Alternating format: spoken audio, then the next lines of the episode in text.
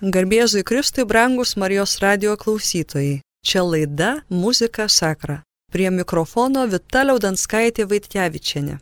Norime pasidžiaugti, kad šios laidos vedėjų ratas plečiasi. Šiais metais Muzika Sakra laidos vedėjų gretas papildys pianistė Audronė Jozauskaitė ir choro dirigentas daktaras Linas Balandis. Tad šioje laidoje ir kviečiame su jais susipažinti. Garbėzu Kristui, mėla audronė, siunčiame šilčiausius linkėjimus į pajūrį. Kiek žinau, šiuo metu esate tarp palangos ir klaipėdos. Mūsų Marijos radio klausytojai nekarta jau girdėjo jūs grojant, gėdant adoracijose, sakralinės muzikos koncertuose, o štai kalėdiniu laikotarpiu Marijos radio bangomis jau skambėjo jūsų paruoštos laidos apie Georgo Friedricho Hendelio oratoriją Mesijas.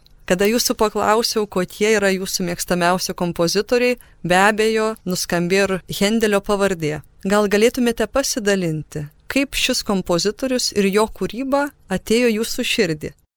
Iš tiesų, tai ne tik man, turbūt visoje muzikos istorijoje, tai yra tas kūrinys, kuris išsiskiria savo didingumu, savo epiškumu, tai yra didinga barokinė drobė, kurios pagrindas yra, manyčiau, unikaliai sudėliotos šventojo rašto citatos. Ir drįstų teikti, kad kito tokio kūrinio nėra pasaulinėje muzikos istorijoje, kuris šitaip išsamei kalbėtų apie, apie visą išganimo istoriją, kuris šitaip išsamei pateiktų visą tą plačią biblinę panoramą ir taptų savotišką Biblija savotiška medžiaga kontempliacijai, nes man pačiai šitas kūrinys yra be galo artimas ir be galo mielas ir tikrai nesuklysiu pasakiusi, kad tai yra mano vienas iš pačių mėgstamiausių kūrinių, kurių mėgstu tiek klausytis, tiek galvoti apie jo sukūrimo istoriją, tiek kas atvedė kompozitorių į jo sukūrimą ir taip pat dažną kartą save pagaunu niuniuojant vieną ar kitą melodiją iš šitos oratorijos ir tiesiog mastant apie šventojo rašto e, eilutes vienas ar kitas. Tai iš tiesų yra tas kūrinys, kuriame viskas labai organiškai susiję. Ir muzikinis audinys, ir tekstas, ir visgi ta dvasinė prasme, dvasinė Dievo žodžio gelmė, kuri atveria uh, na naujas erdves ir ir ir naujas prasmes kaip žinia na kiekvieną kartą skaitydamas dievo žodį tu matai dar naujoj šviesoj tą visą tiesą kuri ten atskleista. Iš tiesų labai mėgstu daugelį mesijo numerių bet labiausia man patinkanti ir labiausia man artima yra arija kuri beje ir paties hendelio buvo mėgstamiausia. Aš žinau kad mano atpirkėjas yra gyvas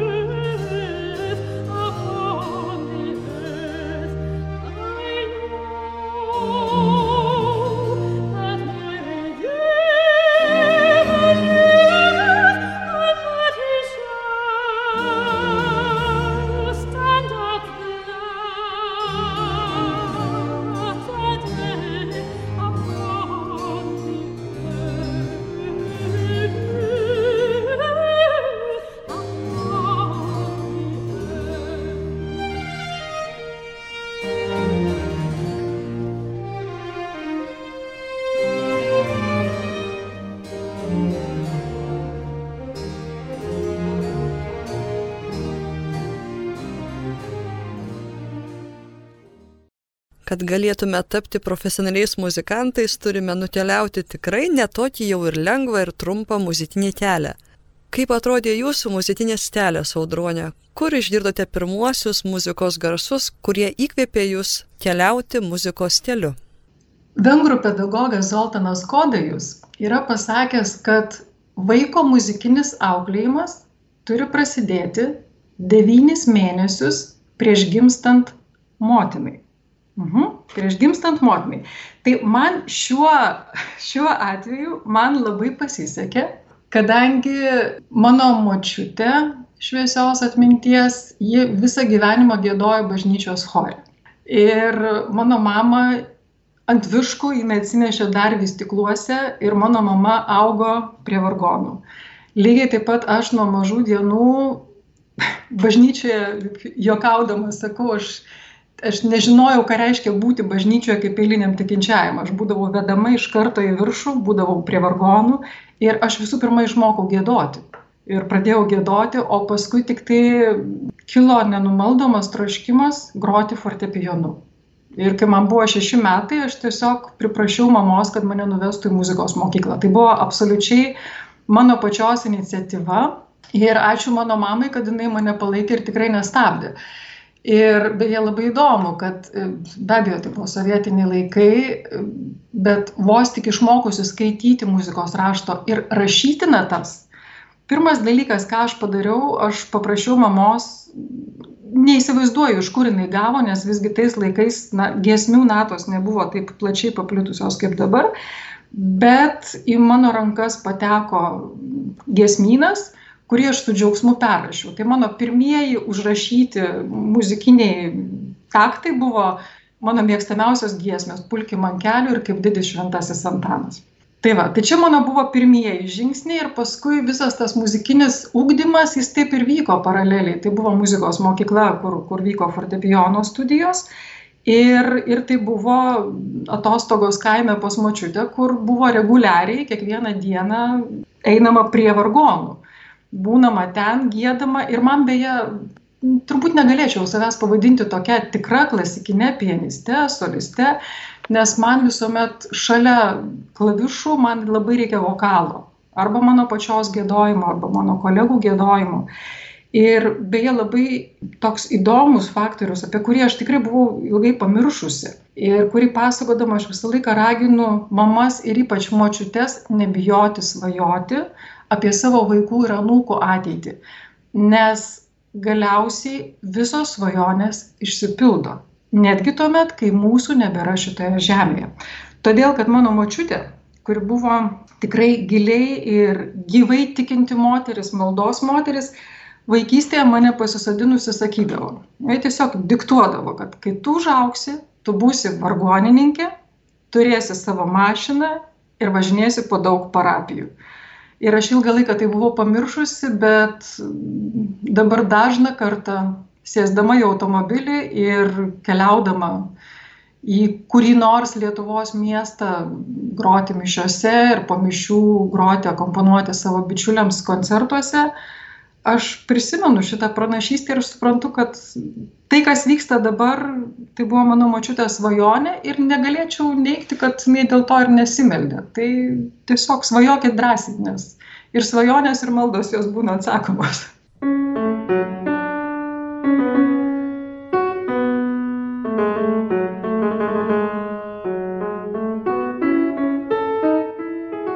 artimiausi yra baroko epochos kompozitoriai. Tie kompozitoriai, kurių gyvenimas, kurių mąstymas dar nebuvo pažymėtas humanizmo epochos ženklų, kurie dar neaukštino savęs kaip absoliuto, o žinojo, iš ko jie yra gavę savo dovanas ir kam jie turėtų būti dėkingi už jas. O kalbant apie kompozitorių, tai nebejotinai numeris vienas yra Joganas Sebastianas Bachas. Aš kartais juokauju, kad esu gimusi po Bacho ženklų, nes iš tikrųjų mes esam gimę tą pačią dieną. Iš tiesų, jo kūriniuose slypintis mikrokosmosas, jis užbūrė savo didybę, įsitraukė savo gelme ir tikrai yra tekę groti nemažai Bacho kūrinių ir ypatingai mėgstu jo preliudų ir fugų ciklą, gerai temperuotas klavyras. kurio daugelis preliudų ir fugų, jie yra tiesiog simbolinė, muzikinių simbolių kalba užkoduotos šventojo rašto scenos. Tai, na, atliekant šiuos kūrinius, tu ne tik tai atlieki muziką, ne tik tai atgamini garsus, kurie užrašyti natose, bet ir e, leidėsi kur kas giliau, išvelgdamas ir mąstydamas apie tą prasme, kuri atsiveria mąstant būtent apie šventojo rašto scenas, užrašytas garsais šituose kūriniuose.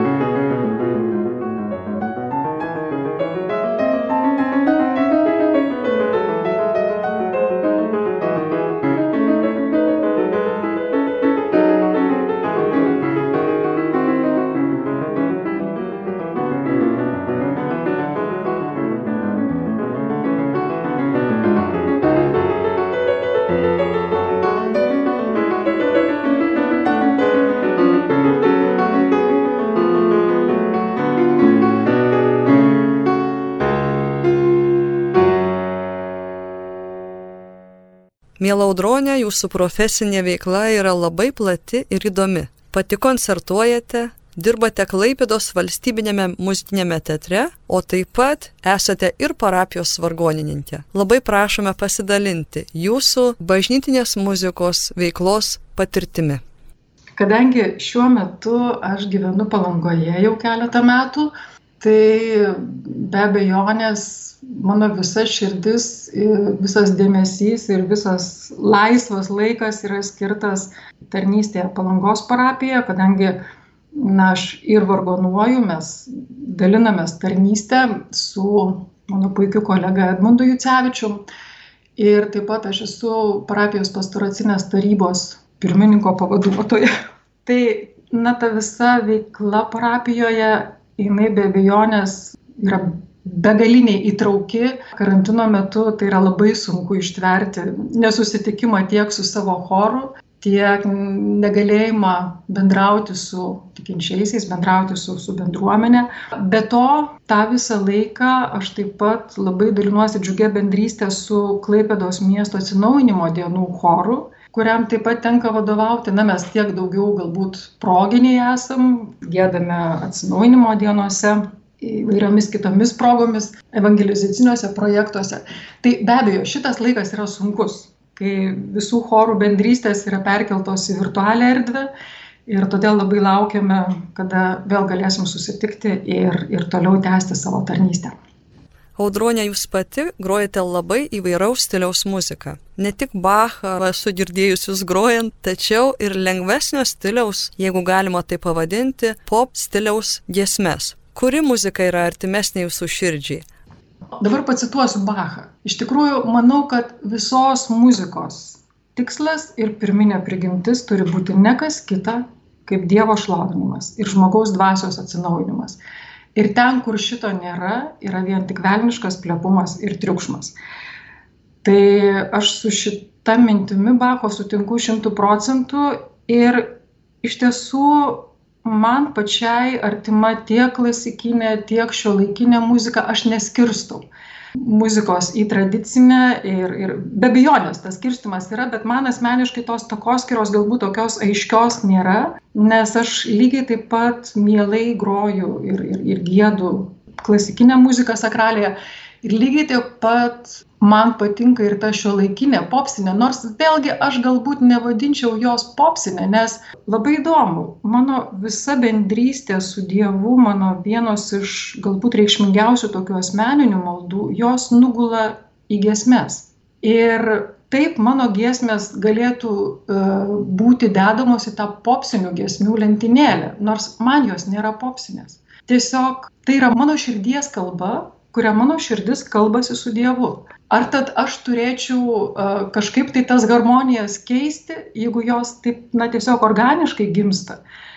Tai va šitoje vietoje aš labai taip tolerantiškai žiūriu į visą sakralią muziką, galbūt neišskirdama jos stilistiškai, nors, aišku, jeigu taip jau labai nagrinėti reikėtų detaliai, tai man tos šiuolaikinės giesmės yra artimos pačiai ir netgi aš sakyčiau, kad dažną kartą, ypač susidūrus, tarkim, su, su plačiomis žmonių masėmis, su platesnė auditorija, stengiantis skleisti Dievo išgelbėjimo žinę ne tik tai toms nuostabioms moterytėms vyresnio amžiaus, mūsų puikioms seniorėms, kurios yra jau maldo žmonės, bet e, stengiantis skleisti išgelbėjimo žinę jauniems žmonėms, to vidutinio amžiaus žmonėms, norisi visgi tai padaryti jų kalba. Ir va šitoje vietoje aš manau, kad tos šiuolaikinės giesmės jos padeda prabilti ta kalba, kurią gerai supranta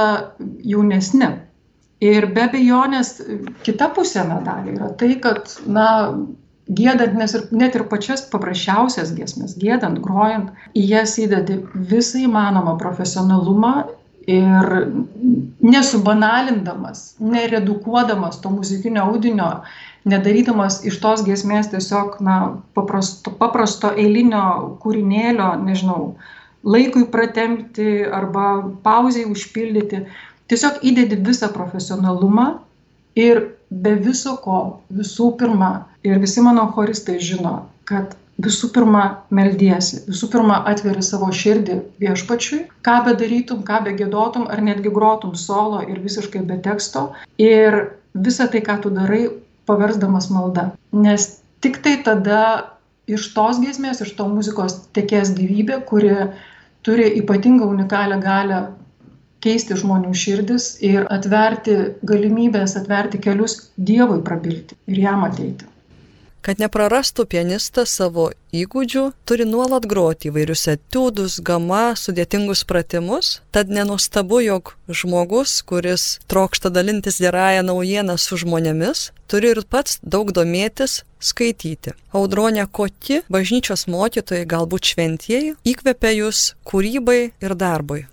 Paskutiniu metu esu labai iš naujo atradusi C.S. Lewiso knygas, tai yra be, be bejonės nuostabus rašytojas, bet, na, be abejo, tas spektras, kuris mane įkvėpia, tai yra labai platus, bet iš jų galbūt galėčiau išskirti keletą. Tai visų pirma, Šventasis Pranciškus Asižėtis. Nebejotinai, nes ir mano pačios kelias jis buvo susijęs, ypač pačioje pradžioje labai didelė dalim su pranciškonais ir beje mano abi prosenelės buvo pranciškonės tretininkės. Tai čia tiesiog, kaip aš juokiuosi, pranciškoniškumas yra įrašytas mano DNR.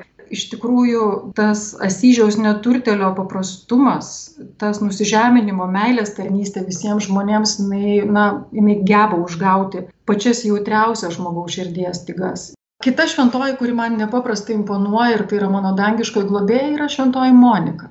Aš iš tikrųjų nežinau ar daugelis yra e, gilinęsi į šventosios monikos biografiją bet kai aš tiesiog pradėjau nagrinėti šios nuostabios moters gyvenimą na man atsivėrė nepaprastai šilta brangi ir artima panorama. Nes iš tiesų apie visą jos gyvenimą apie visą jos tikėjimo kelionę mes žinome iš jos sūnaus raštų nėra išlikę daug faktų, bet tai, ką mes matome, tai matome ne, ne karžygės, ne vienuolės, tiesiog eilinės moters, eilinės pasišventusios moters gyvenimo, kuri turėjo na, nelengvą dalę pakelti ir savo namie, savo šeimoje. Taip pat jai teko patirti savo mylimo sūnaus išdavystę, kuomet jai besimeldžiant bažnyčioje naktį, jo sūnus slapčia pabėgo laivu iš Kartaginos į Romą ir jinai nepaliovė melstis už savo sūnaus atsivertimą ir galiausiai sekė paskui jį į Romą, nusekė į Romą, ieškojo Romoje, Romoje nerado, na, turėkime omeny, kad tai yra ketvirtas amžius, jokių mobiliųjų, jokių internetų ir tu turi ieškoti savo sūnaus, nuolatos už jį melzdamasi, ašaromis nusėdama tas maldas Galiausiai jinai jį suranda Milane ir galiausiai po 17 metų nenutrūkstamos motinos maldos jos sunus atsiverčia. Ir būtent šios moters dėka mes turime Aurelijų Augustiną Hipo. Nuostabų, nuostabų autorių, kurio išpažinimai, sakau, tai yra mano stalo knyga. Ir tai yra mano vienas iš tų nuolatinių pašnekovų, vadinkim taip, su kuriuo iš tikrųjų labai daug dalinuosi ką bendro. Ir yra dar vienas šventasis, kurio, na, tiesiog negaliu nepaminėti, nes kaip šventasis jis atėjo mano gyvenimą iš tiesų pakankamai neseniai gal šešeri metai, gal šiek tiek daugiau.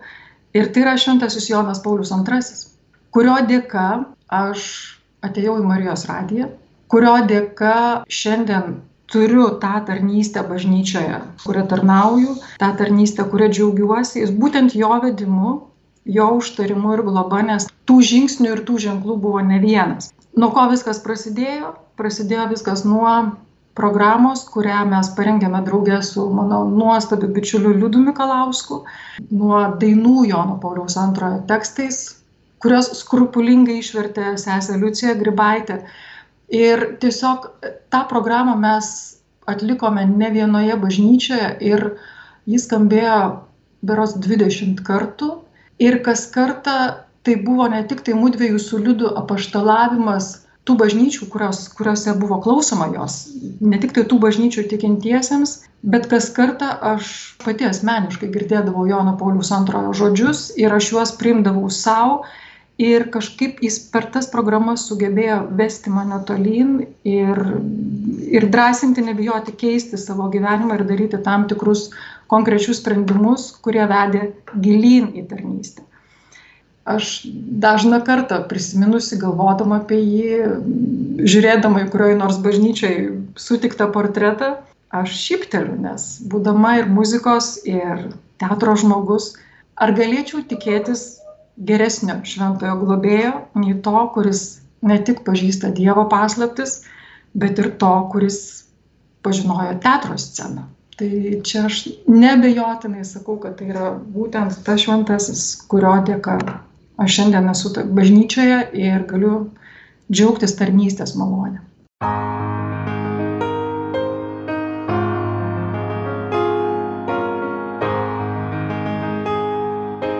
Mėla Audronė, labai dėkojam Jums už pokalbį. Ačiū, kad savanoriaujate Marijos radijuje. Gal norėtumėte tarti keletą palinkėjimų mūsų brangiems Marijos radio klausytojams? Iš tiesų norėčiau palinkėti neprarasti vilties, ir kiekvieną savo gyvenimo akimirką žiūrėti viešpatį.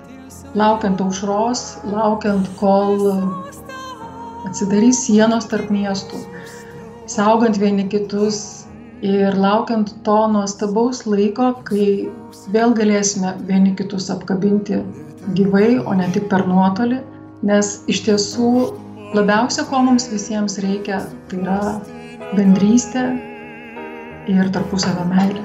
Tai likite sveiki, saugokite vieni kitus, kad ir vėl galėtume susitikti, apsikabinti ir džiaugtis mūsų visų bendrystę.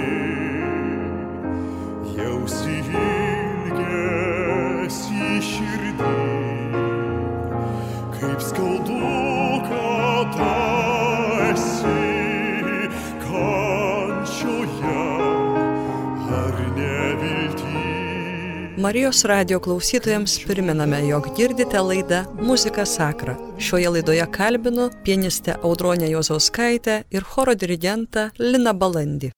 Linai, labai Jums dėkojame, kad sutikote būti vienu iš Muzika Sakra laidos vedėjų. Mūsų pokalbio pradžioje gal galite prisiminti kūrinį, kuris labiausiai palėtė Jūsų širdį. Kūrinį iš sakralinės muzikos kūrybos lobino turbūt į šitą klausimą taip vienareikšmiškai atsakyti tai būtų sudėtinga, tų kūrinių yra didžiulė galybė, bet aš tai mačiau, kas čia man padarė tokį kažkokią žiežirbą ir jinai buvo išties senokai, gal prieš kokius 15 metų, man dar teko dainuoti chorė jauna muzika ir dirigavo armėnų dirigentas Babajanas ir mes gėdojome Johano Sebastiano Bacho pasiją pagal matą.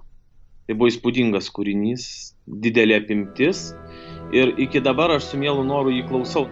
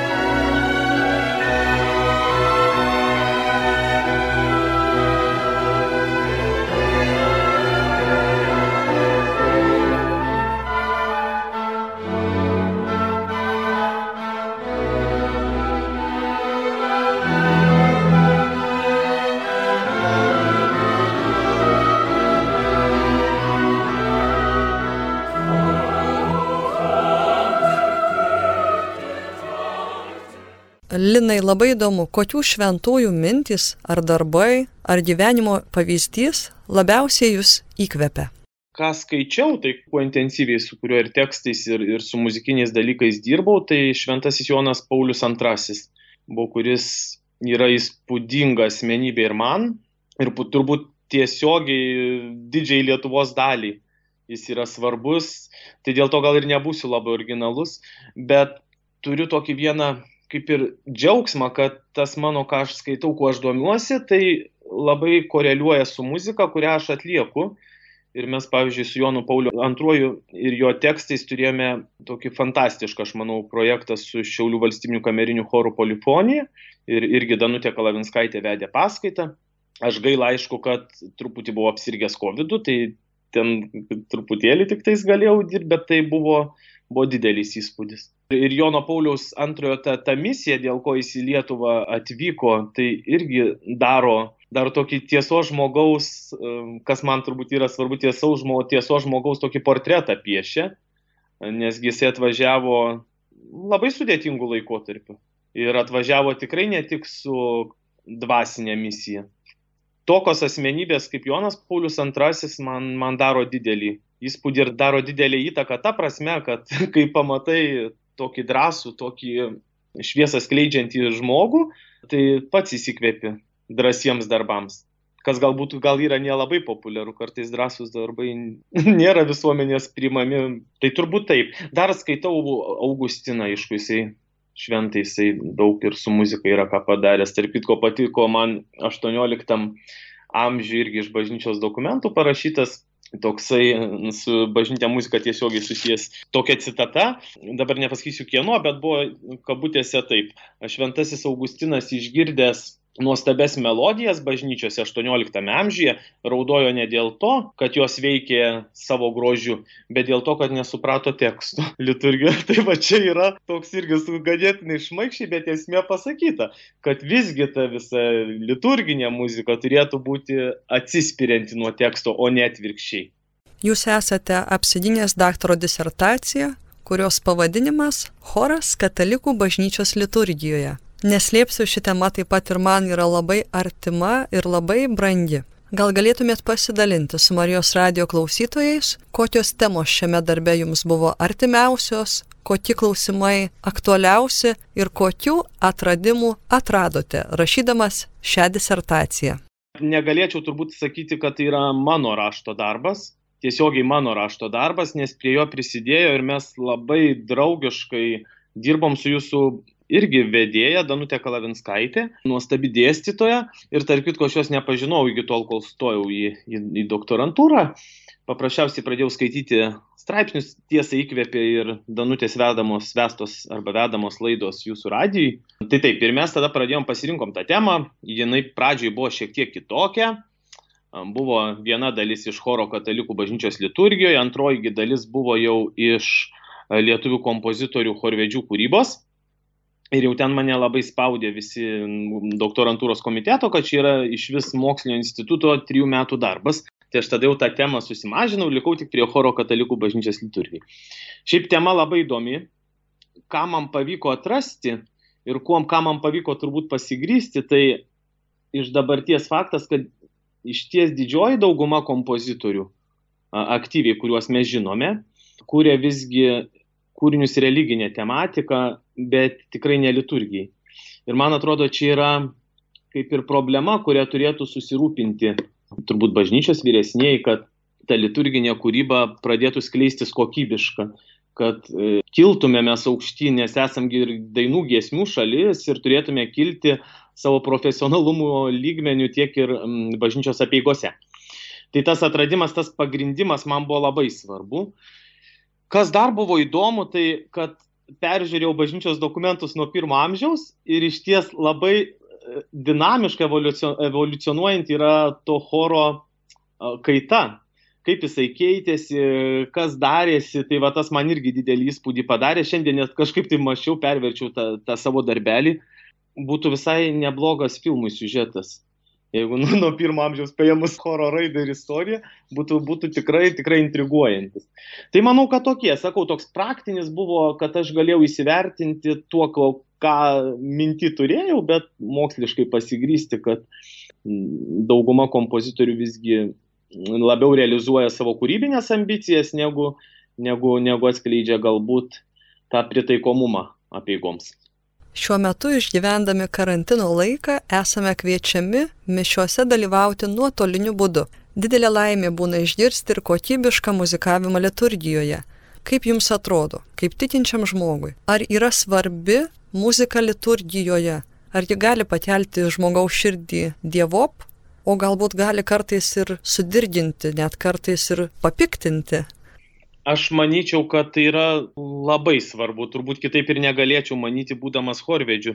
Ir man teko dirbti gal kokius septynis metus bažnyčios vargonininku ir aš mačiau tą giesmės teksto, tos visos visumos įtaką tikintiesiems. Ir irgi gal būsiu nelabai populiarus, bent jau iš Horvedžių tarpo, kurie turbūt labiau akcentuoja profesionalus kalbų Horvedžiai tą, kad choras galbūt turėtų užimti deramą vietą liturgijoje, gėdoti tik vienas, aš visgi manau, kad tas bendruomeninis gėdojimas yra labai svarbu. Ir tam tikrose dalyse jis puikiai tinka. Tai mes su Vita ir su jumis esam, kai rašiau darbą apie tai išnekėję ir jūs mane užvedėte, galima sakyti, ant kelio. Nes tai yra svarbu, kaip tu pats gali dalyvauti veiksme pilnavertiškai, gėdoti, transliuoti ir suvokti tą tekstą, man atrodo, tai poveikis yra labai didelis. Plus muzika veikia, taigi tavo ne tik, ne tik ten kažkokį grožio dalykus, bet jinai tiesiogiai tekstas ateina į mintį, ateina garsas į mintį, kurį dar ir pats transliuoji. Tai toks, man atrodo, labai rimtas reikalas ir labai svarbus tikėjimui. Bent jau man. Aš pats labai mėgstu gėdot bažnyčiose. Ta prasme, kai būnu bendruomeniai ir mišiuose. Kartais žmonėm, kurie stovi aplink mane, aišku, aišku, ten nesistengiu išrodyti savo solinio balso, bet jeigu kad ir tyliai gėdi, tai iš šono atrodo gal keistoka, bet man tai yra, man tai yra svarbu. Ir dar čia gal irgi tokiam papildymui būtų galima irgi tie modeliai, kad bendruomenė gėdotų, kaip ir vyksta užsienį, sakykime, Vokietijos kraštuose ir, ir Italijoje kai kur, tai kad įsijungtų gėdoti choras pačioj bendruomeniai.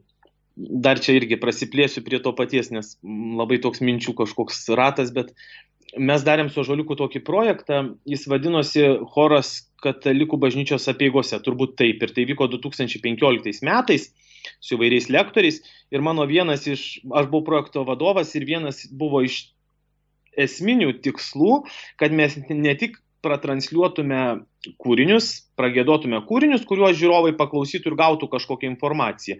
Tikslas buvo dar ir tas, kad kelis kūrinius mes apmokėm prieš tai gėdoti klausytojus, choras išstojo ratu, reiškia, tada klausytojai tampa pačiam stereo centre ir jie gėda kartu. Tai buvo, buvo nu tiesiog tu netašarą kartais gali spausti, nes tai yra labai žavu ir man atrodo prasminga. Šiandien jūs esate profesionalus muzikantas, apsigynęs ir daktaro disertaciją, o labai įdomu, kur buvo jūsų pirmieji muzikiniai žingsniai. E, tai kai prasidėjo mano tas muzikinis kelias, turbūt irgi kažkas, kažkas iš aukščiau, nes nuo šešių metų aš konkrečiai žinau, kad aš noriu kažką daryti su muzika. Prisimenu ir tėvai pasakojo, kad vykstant dainų šventėm, e, aš įrašą klausydavau per televiziją ir diriguodavau sikiu. Nors dabar, pavyzdžiui, neturiu jokių ambicijų ir jokio noro diriguoti dainų šventį. Bet tuo metu man buvo, buvo toks kažkoks stimulas. Tuo metu aš įstojau aštuntoj klasėj, man atrodo, į Kauno sakralinės muzikos mokyklą.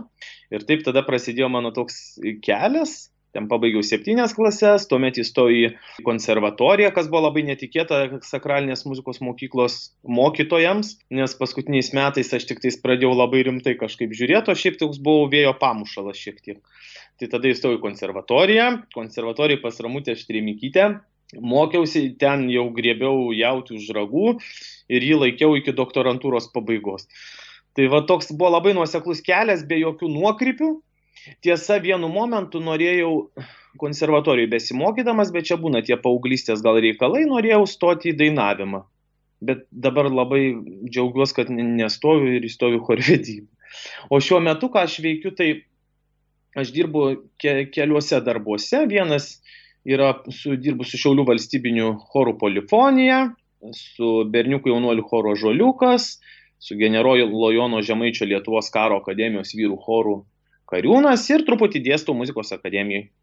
Esate chorų vadovas, dirigentas, meno vadovas, o taip pat dėstote ir studentams. Ar šio laikiniam jaunimui, vaikams, gimnazistams yra įdomu sakralinė muzika? Ar netrodo tai šiek tiek jiems senoviška?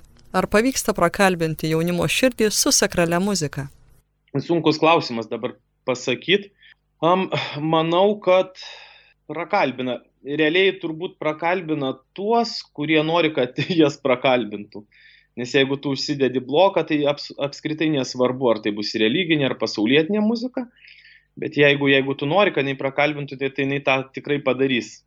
Aš esu tos minties, kad muzikoje yra daug kas užkoduota ir kaip tu tą kodą įskaitai arba paprasčiausiai ją atvirą širdim priemi, tada jisai duoda daug, daug tokių teigiamų rezultatų. Kita vertus, studentai negali kažkaip atmestinai reaguoti į religinę muziką, ypatingai choro dirigavimo studentai vien dėl to, kad mano čia įsitikinimu netiksliais moksliniais paskaičiavimais turbūt apie kokią 80 procentų dažniausiai atliekamos muzikos yra būtent religinė. Ir aš manau, čia priklauso nuo kiekvieno studento. Jeigu kalbant apskritai apie studentus, man patinka šitą kartą. Labai aš taip kažkaip vis vyliausi, kad toks ateis šviesus, kažkas šviesus šviesos labai daug, tai man va šitie jauni žmonės, kurie yra už mane gal tik dešimt metų jaunesni, jie nuo jų sklinda šviesa jų mintim, jų, jų darbais, galop jų požiūriu. Ir mūsų pokalbio pabaigai galbūt galėtumėte palinkėjimą mūsų brangiems Marijos radio klausytojams. Tai pirmiausia, turbūt norėčiau labai padėkoti už tokį pasitikėjimą ir pakvietimą. Man buvo netikėta, bet labai miela. Ir kad galėsiu visų pirma bendrauti su kompozitoriais, vargonininkais, korvedžiais galbūt ir kad galėsiu jums, mėlyje radio klausytojai, tuos kompozitorius pristatyti. Tai ką aš galėčiau palinkėti? svarbiausia yra ir šiuo laikotarpiu, ir visais laikotarpiais neprarasti vilties ir tikėjimo. Nes kai šiuos du dalykus turi, tai nieks, absoliučiai nieks nebebaisu ir gyveni su tokia, reiškia, skaidrė širdim ir skaidrė siela. Ir pabaigai turbūt puikiausiai šiam mūsų pokalbiui pritiks Mikolaus Gureckio kūrinys Totus Tūs, visas tavo, tai yra kaip ir šaukinys Jono Pauliaus antrojo. Man tas kūrinys daro įspūdį ir vat, jis atspindi šiuos du mano įvardintus aspektus, tai e, viltį, tikėjimą ir žinoma dar galima pridėti meilę. No.